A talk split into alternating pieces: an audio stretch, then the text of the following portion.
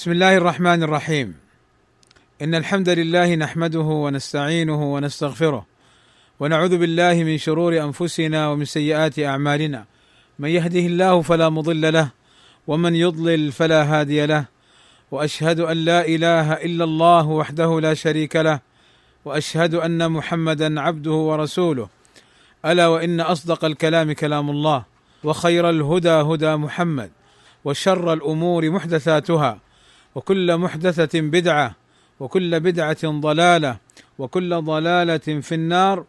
أما بعد فأحمد الله عز وجل أن يسر لي هذا اللقاء والمشاركة مع إخواننا في مسجد بني آدم في ولاية نيو جورزي في مدينة نيويورك والمشاركة مع إدارة المسجد مسجد بني آدم. الإخوة أبو يوسف خليفة وأبو محمد نادر وأبو عبد السلام صديق والأخ نجيب الإنجليسي في دورة لهم بعنوان فوائد من رمضان فأقول مستعينا بالله تعالى أشارك إخواننا وأذاكرهم في أمور متعددة وأرجو أن أختصر وأن لا أطيل بإذن الله تعالى. الأمر الأول رمضان شهر المواسم. رمضان شهر يستغله المؤمن في طاعة الله عز وجل في الازدياد من القرب إلى الله عز وجل في الإكثار من الطاعة على السنة وشهر أيضا يبتعد فيه المؤمن عن كل ما يغضب الله عز وجل وعن المعاصي وعن الذنوب وعن السيئات لأنه شهر عظيم شهر كما أخبر النبي صلى الله عليه وسلم تفتح فيه أبواب الجنة وتغلق فيه أبواب النيران. فعن أبي هريرة رضي الله عنه أن رسول الله صلى الله عليه وسلم قال إذا جاء رمضان فتحت أبواب الجنة وغلقت أبواب النار وصفدت الشياطين وهذا الشهر أجر صيامه عظيم عند الله عز وجل. فهو إليه سبحانه وتعالى كما قال الرسول صلى الله عليه وسلم قال الله تعالى أي في الحديث القدسي كل عمل ابن آدم له إلا الصيام فإنه لي وأنا أجزي به والصيام جنة فإذا كان يوم صوم أحدكم فلا يرفث يومئذ ولا يسخب. فإن سابه أحد أو قاتله فليقل إني امرؤ صائم والذي نفس محمد بيده لخلوف أي رائحة لخلوف فم الصائم أطيب عند الله يوم القيامة من ريح المسك وللصائم فرحتان يفرحهما إذا أفطر فرح بفطره وإذا لقي ربه فرح بصومه فيا له من شهر فيه من مواسم الخيرات ومن عظيم الأجر والحسنات لمن استغله ولمن قام به واعتنى به. هذا الشهر أخبرنا النبي صلى الله عليه وسلم أن الملك ينادي فيه يا باغي الخير أقبل ويا باغي الشر أقصر. قال صلى الله عليه وسلم وينادي ملك يا باغي الخير أقبل. ويا باغي الشر أقصر ولله عتقاء من النار وذلك كل ليلة. يا باغي الخير يا قاصد ويا مريد الخير من الطاعات وتحقيق سنة النبي صلى الله عليه وسلم والتوبة والرجوع إلى الله عز وجل والتقرب إلى الله أن تتقرب إلى الله عز وجل وأن تسعى لمرضاته سبحانه وتعالى لأنه ما خلقنا في هذه الحياة الدنيا إلا لنعبده سبحانه وتعالى وحده لا شريك له. فالدنيا ملعونة ملعون ما فيها إلا ذكر الله وما والاه. ولذلك على المؤمن أن يحرص كل الحرص أن يعمر آخرته بطاعة الله عز وجل والبعد عن المعاصي ويا باغي الشر أقصر. يا من يريد فعل المعاصي ويا من يزداد من البعد عن الله عز وجل بمخالفة أوامره أقصر أقلع عن الذنوب والمعاصي ابتعد عنها وتب إلى الله وارجع إلى الله عز وجل فإن الله عز وجل يفرح بتوبة عبده والله عز وجل يفتح للعبد أبواب التوبة ما لم تبلغ الروح الحلقوم وما لم تطلع الشمس من مغربها. وشهر رمضان يغفر لمن صامه وقامه إيمانا واحتسابا ما تقدم من ذنبه وما تأخر. كما قال النبي صلى الله عليه وسلم من صام رمضان وقامه إيمانا واحتسابا غفر له ما تقدم من ذنبه. ومن قام ليلة القدر إيمانا واحتسابا غفر له ما تقدم من ذنبه. والصيام وقاية من النار كما أخبر النبي صلى الله عليه وسلم. الصيام جنة. قال صلى الله عليه وسلم الصيام جنة كجنة أحدكم من القتال يعني أن الصيام يحمي العبد ويقي العبد كما يتخذ المقاتل الدرع يحتمي بها من الضربات كذلك الصيام حماية لصاحبه من الوقوع في الذنوب والآثام وحماية لصاحبه يوم يلقى الله عز وجل بالصيام فيكون الصيام سببا لمغفرة الذنوب. وفي هذا الشهر في رمضان فيه ليلة خير من ألف شهر والمحروم من حرم خيرها. قال صلى الله عليه وسلم إن هذا الشهر قد حضركم وفيه ليلة خير من ألف شهر أي ليلة القدر. من حرمها فقد حرم الخير كله ولا يحرم خيرها إلا محروم. وهذا الشهر أعني رمضان اختصه الله لنزول القرآن. فعن واثلة ابن الأسقع رضي الله عنه وأرضاه أن النبي صلى الله عليه وسلم قال نزلت صحف إبراهيم أول ليلة من رمضان وأنزلت التوراة لست مضين من رمضان وأنزل الإنجيل لثلاث عشرة خلت من رمضان وأنزل الزبور لثمان عشرة خلت من رمضان والقرآن لأربع وعشرين خلت من رمضان. فشهر رمضان الذي أنزل فيه القرآن. ولذلك وهذا الأمر الثاني الذي أريد أن أذكر نفسي به وإخواني في أمريكا وغيرهم ممن يسمعني وممن بلغته هذه الكلمة قراءة القرآن. رمضان شهر القرآن. رمضان شهر الذكر وتلاوة القرآن. ولا يمنع أن العبد ينتفع من قراءة السنة والاشتغال بالتفقه بالدين كما سيأتينا إن شاء الله تعالى. ولكن أيضا رمضان شهر القرآن.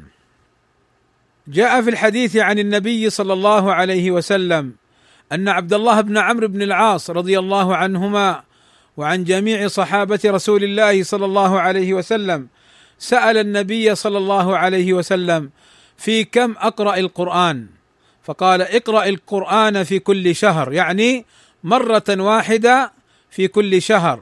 فقال أستطيع أكثر. فقال اقرأه في خمس وعشرين. فقال أستطيع. فقال اقرأه في عشرين. فقال عبد الله أستطيع. فقال صلى الله عليه وسلم اقرأه في خمس عشرة. فقال أستطيع. فقال اقرأه في سبع. ولا يفقه من يقرأه في أقل من ثلاث. اذا السنة بارك الله فيكم أن لا يقرأ القرآن في أقل من ثلاث أيام وأن لا يزيد عن شهر وأن يقرأه في سبع أو في خمسة عشر أو في عشرين أو في خمس وعشرين أو في كل شهر مرة. هذا القرآن العظيم كتاب ربنا الذي جعله معجزة باقية إلى أن يشاء الله عز وجل رفعه من الصدور والسطور. هذا القرآن الذي حين يقرأه القارئ يناجي ربه حين يتأمله ويتدبره يزيل عن قلبه الهموم والغموم والكروب. فكم نسمع وكم نسأل وكم نقرأ في بعض الرسائل أنا مهموم أنا مغموم أنا مصاب بحزن شديد. نعم بلا شك لأنك بعيد عن القرآن. لأنك لم تتلذذ بقراءة كلام ربنا سبحانه وتعالى. فالقرآن كلام الله عز وجل. فأين نحن من القرآن؟ وليسأل كل واحد منا أين أنا من القرآن؟ وأين القرآن مني؟ فلنكثر من قراءة القرآن دائما وفي شهر رمضان خصوصا فقد كان جبريل عليه الصلاة والسلام يعارض النبي صلى الله عليه وسلم القرآن في رمضان مرة وفي السنة التي مات فيها عليه الصلاة والسلام عارضه مرتين. اذا هذه هي السنة ولكن هناك إشكال وهو أنه جاء عن بعض السلف أنه قرأ القرآن لأقل من ثلاث. قال الألباني رحمه الله تعالى ولا يشكل على هذا أي الحديث ما ثبت عن بعض السلف مما هو خلاف هذه السنة الصحيحة فإن الظاهر أنها لم تبلغهم يعني عدم قراءة القرآن في أقل من ثلاث.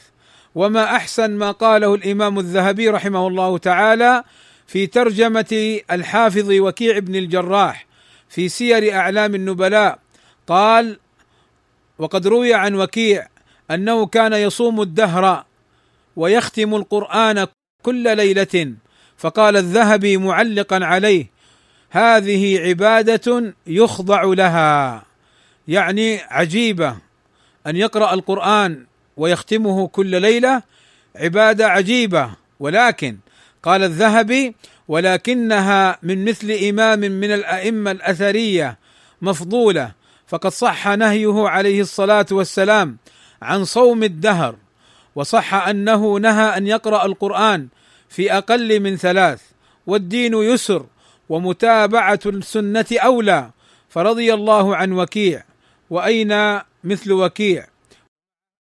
إلى آخر كلامه رحمه الله تعالى. فإذا بارك الله فيكم هنا في هذا الكلام الذي نقلته عن الإمام الألباني رحمه الله تعالى فائدة عظيمة وهي أننا نسمع أن بعض السلف كان يختم في رمضان ستين ختمة أي مرتين في اليوم وبعضهم كان يختمه ثلاثين مرة أي يختمه كل يوم مرة فنقول لا السنة أولى وأعظم وأقرب. وهنا قاعدة بينها ابن القيم الجوزية رحمه الله تعالى وهي هل الأولى إصابة السنة أم تكثير العمل؟ فقال رحمه الله تعالى الأولى إصابة السنة. الأولى إصابة السنة ولو كانت أقل من عمل يعمله العبد. ولذلك لما جاء بعض الصحابة رضوان الله عليهم وسألوا عن عبادة النبي صلى الله عليه وسلم فكأنهم تقالوها. أي يرونها قليله فقال أحدهم أما أنا فأصوم ولا أفطر. وقال الآخر أما أنا فأقوم أي أصلي الليل ولا أنام. وقال الآخر أما أنا فلا أتزوج النساء أي يتفرغوا للعبادة. فقال النبي صلى الله عليه وسلم أما إني أخشاكم لله وأتقاكم له وأعلمكم به أما إني أقوم وأنام. يعني أصلي من الليل وأنام من الليل وأصوم وأفطر أيام أصوم وأيام أفطر وأتزوج النساء فمن رغب عن سنتي فليس مني فإذا بارك الله فيكم لا نغفل عن قراءة القرآن ولا نغفل عن متابعة السنة وإصابتها وتحقيقها على الوجه الذي كان عليه النبي صلى الله عليه وسلم. النقطة الثالثة التي أريد أن أتكلم عنها وهي أن رمضان شهر التوبة والغفران. أن رمضان شهر التوبة والغفران، وقبل أن أدخل إلى هذه النقطة أنبه على أن الحديث الذي جاء في أن رمضان أوله رحمة وأوسطه مغفرة وآخره عتق من النار هو حديث ضعيف لا يصح عن النبي صلى الله عليه وسلم. ولكن رمضان شهر التوبة والقربان إلى الله عز وجل بفعل الطاعات والحسنات والإيمان وقراءة القرآن. رمضان موسم للتوبة. لماذا؟ لأن الشياطين تصفد. لأن أبواب النيران تغلق. لأن أبواب الجنة تفتح. لأن الملك ينادي يا باغي الخير أقبل ويا باغي الشر أقصر. أمور ومواسم هيأها الله عز وجل لك يا عبد الله ولنا نحن عباد الله هيأها لنا للتوبة والرجوع إليه والأوبة وأن نستغفر الله وأن نتعرض لرحمة الله وتوبته وأن نحاول أن نحقق الإيمان. جاء في الحديث عن النبي صلى الله عليه وسلم أنه قال أتاني جبريل. فقال يا محمد من أدرك أحد والديه فمات فدخل النار فأبعده الله. قل آمين. فقلت آمين. قال يا محمد من أدرك شهر رمضان فمات فلم يغفر له فأبعده الله. قل آمين. فقلت آمين. فقال جبريل ومن ذكرت عنده فلم يصل عليك فأبعده الله قل آمين. فقلت آمين. هنا جبريل عليه الصلاة والسلام أتى للنبي صلى الله عليه وسلم وهو يرقى المنبر. وهذه كما يذهب إلى ذلك بعض أهل العلم أن عند صعود الإمام للمنبر قد تكون ساعة إجابة. فقال جبريل للنبي صلى الله عليه وسلم من أدرك أحد والديه فمات فدخل النار فأبعده الله. يعني إذا أدرك أحد والديه فلم يبره ولم يعمل على طاعته في الخير وعلى التقرب إلى الله ببره فدخل النار. أي فلم يكن بر الوالدين سببا لتخلصه من النار فأبعده الله. دعا عليه بأن يبعد وأن يكون بعيدا. ثم قال له قل آمين فقال آمين.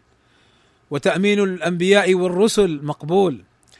ثم قال يا محمد من أدرك شهر رمضان فمات فلم يغفر له فأبعده الله. وذلك لأن رمضان شهر الطاعات شهر المغفرة شهر الحسنات. شهر التوبة والرجوع إلى الله عز وجل. فإذا أتى عليك رمضان فلم تتب ولم ترجع إلى الله عز وجل ومت واستحققت النار فأبعدك الله. قل آمين. فقال آمين. ومن ذكر النبي صلى الله عليه وسلم عنده فلم يصلي عليه فمات ولم تكن صلاته على النبي صلى الله عليه وسلم سببا لنجاته من النار فأبعده الله. قل آمين. فقلت آمين. فإذا بارك الله فيكم. هذه نقطة مهمة. وهذه قضية خطيرة. ألا وهي أننا نتعرض لرحمة الله عز وجل ومغفرته وأن نطلب منه سبحانه وتعالى أن يغفر لنا ذنوبنا وأن نسأله أن يرزقنا التوبه النصوح وأن نسأله أن يهدينا إلى الحق وأن يبعدنا عن الباطل وعن المعاصي وأن يحبب إلينا الإيمان ويزينه في قلوبنا وأن ندعو الله عز وجل بمثل هذه الدعوات.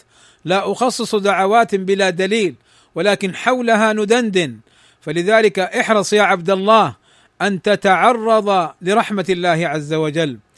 النقطة الأخيرة التي أريد أن أتدارسها معكم بارك الله فيكم. هي قول النبي صلى الله عليه وسلم رب صائم حظه من صيامه الجوع والعطش. رب صائم حظه من صيامه الجوع والعطش. ومعنى الحديث أنه صام فلم يكتب له الأجر لم يكتب له إلا أنه عطش وجاع. لماذا؟ لماذا؟ أقول لأن هذا الحديث العظيم يغفل عنه كثير من الصائمين. فهذا الحديث يبين أن بعض الصائمين قد لا يقبل منهم صيامهم فيكون عطش وجوع نفسه فقط ولا حول ولا قوة إلا بالله. والسبب في ذلك لأنه خالف أحكام الصيام ووقع فيما يناقضه فتراه يفطر على حرام. أو يفطر على لحوم الناس بالغيبة والنميمة أو لا يحفظ جوارحه عن الآثام كما ذكر أهل العلم. وللأسف الشديد إخواني بارك الله فيكم هذا الخطأ الكبير والظاهرة الخطيرة من عدم تعلم أحكام الصيام ليست فقط في رمضان بل هي في أكثر أحكام الدين في الطهارة والصلاة والزكاة والحج والنكاح والطلاق. فتجد كثيرا من الناس يجهلون أحكام دينهم فيخالفونها بدون علم ولو أنهم تعلموها لم يخالفوها. والعجب أننا نرى هؤلاء إذا أراد أحدهم أن يشتري شيئا من متاع الدنيا الزائل تجده يسأل عنه وعن كيفية استعماله وعما يحتاج إليه من صيانة ونحوها ولا يقبل قول أي أحد بل لا بد أن يكون خبيرا مختصا مجربا عندها يطمئن ويرضى قبل أن يشتريه. وأما في أمور دينه وأحكامه التي يحتاج إليها فتجده يعمل بلا بصيرة ولا علم ويعمل كما يعمل عامة الناس أو يسأل من هب ودب. فبعض الناس في أمور الدنيا عالم فاهم وفي أمور آخرته ودينه جاهل متخبط يمشي بلا علم. والله عز وجل أمرنا أن نسأل أهل العلم إذا جهلنا. فقال عز شأنه فاسألوا أهل الذكر إن كنتم لا تعلمون. وأهل الذكر هم أهل العلم. وقال النبي صلى الله عليه وسلم طلب العلم فريضة على كل مسلم. فهذا الحديث يدل على وجوب تعلم أمور الدين فيما يلزم المسلم في خاصة نفسه. وذلك لما تقرر وثبت أنه لا يجوز لأحد أن يقدم على أمر حتى يعلم حكم الله فيه. فهذه من فروض الأعيان. لا يحملها أحد عن أحد كما قال أهل العلم. ويدل هذا الحديث على أن الذي لا يتعلم أمور دينه التي يحتاج إليها أنه آثم. لتقصيره عن السؤال وعن التعلم لأحكام دينه وهذا يجهله كثير من المسلمين فيظن أنه لا يأثم إذا لم يسأل بل بعضهم يظن أنه لا يؤاخذ وأن يستمر بدون سؤال أفضل حتى لا يؤاخذ. لا إن عملت العمل وأنت تجهل حكمه وتعلم أنك تجهل حكمه وكان يمكنك السؤال فلم تسأل فأنت آثم عند أهل العلم. بارك الله فيكم. علينا أن نتأمل هذا الكلام جيدا وأن نتذكره وأن نتقي الله عز وجل في أنفسنا وفي أهلينا. إخواني بارك الله فيكم. الكلام في هذه الأمور كثيرة وكثيرة جدا ولكن الذي ألفت النظر إليه أن عامة الناس مثلك يجهلون فلا تقلدهم في أفعالهم وأقوالهم بل اسأل وتعلم وابحث عن السنة التي كان عليها النبي صلى الله عليه وسلم. ولعل سائلا يسأل فيقول كيف أتعلم أحكام ديني؟ وكيف أتعلم أحكام الصيام؟ ونحن إن شاء الله بعد أيام قليلة سيدخل علينا رمضان.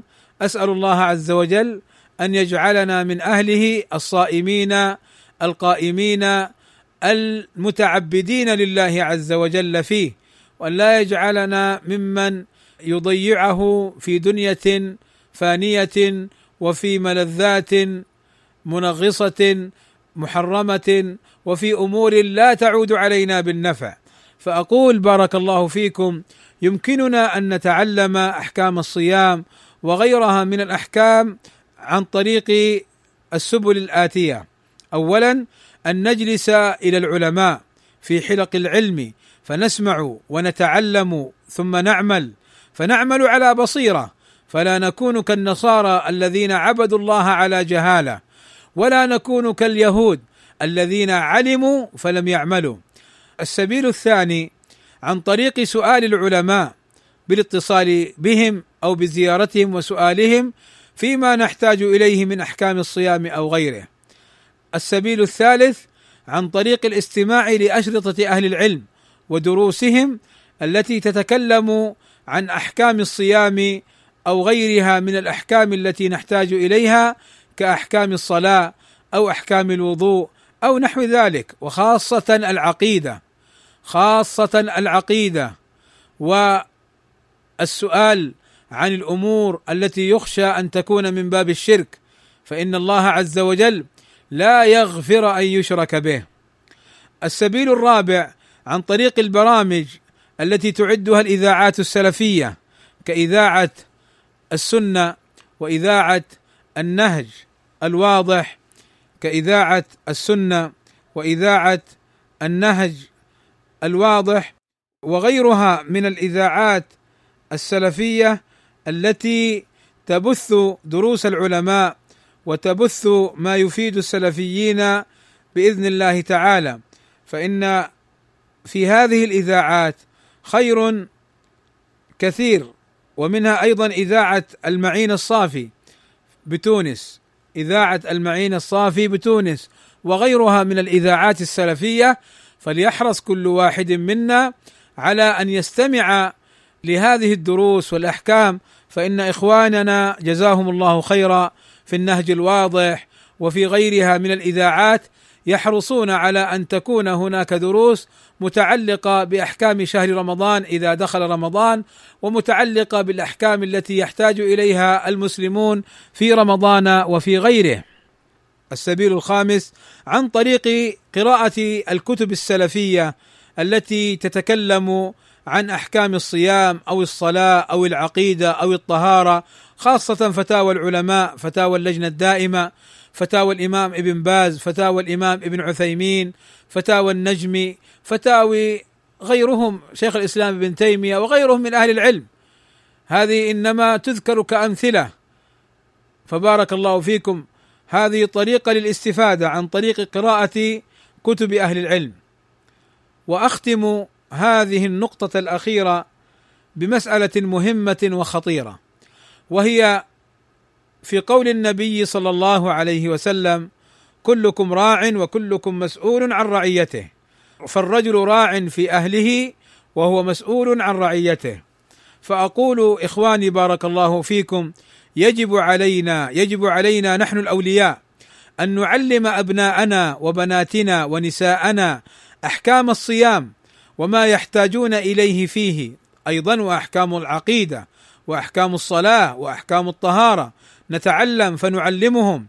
ولنعلم جميعا أن من علم علما كان له مثل أجر من عمل به لقول النبي صلى الله عليه وسلم من علم علما فله أجر من عمل به لا ينقص من أجر العامل. بل تعليم المسلم للآخرين ينفعه بإذن الله تعالى بعد موته. قال صلى الله عليه وسلم أربع من عمل الأحياء تجري للأموات وذكر منها ورجل علم علما فعمل به من بعده له مثل أجر من عمل به من غير أن ينقص من أجر من يعمل به شيء.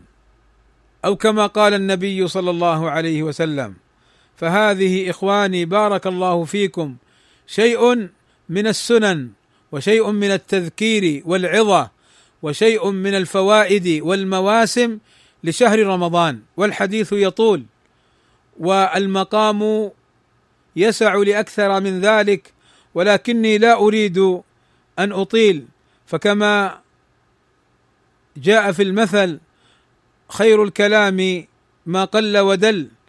وكما يقول أهل العلم دائما ليس المراد تكثير الكلام إنما المراد العمل. فالعمل هو المهم ومرادهم أن تعمل بعلم على سنة. فالعمل لا يقبل إلا بشرطين بالإخلاص والمتابعة. فالعمل لا يقبل إلا بشرطين الشرط الأول ما هو الإخلاص لله عز وجل. الشرط الثاني ما هو المتابعة أي لسنة النبي صلى الله عليه وسلم. أي لسنة النبي صلى الله عليه وسلم. فتتعلم سنته صلى الله عليه وسلم وتعمل بها فتكون من أهلها. كما جاء عن الإمام أحمد وغيره من السلف أنهم كانوا يقولون من عمل بسنة كان من أهلها أسأل الله أن يجعلنا من أهل السنة العالمين بها العاملين بها وفي هذا القدر كفاية. وصلى الله وسلم على نبينا محمد وعلى آله وصحبه أجمعين والحمد لله رب العالمين.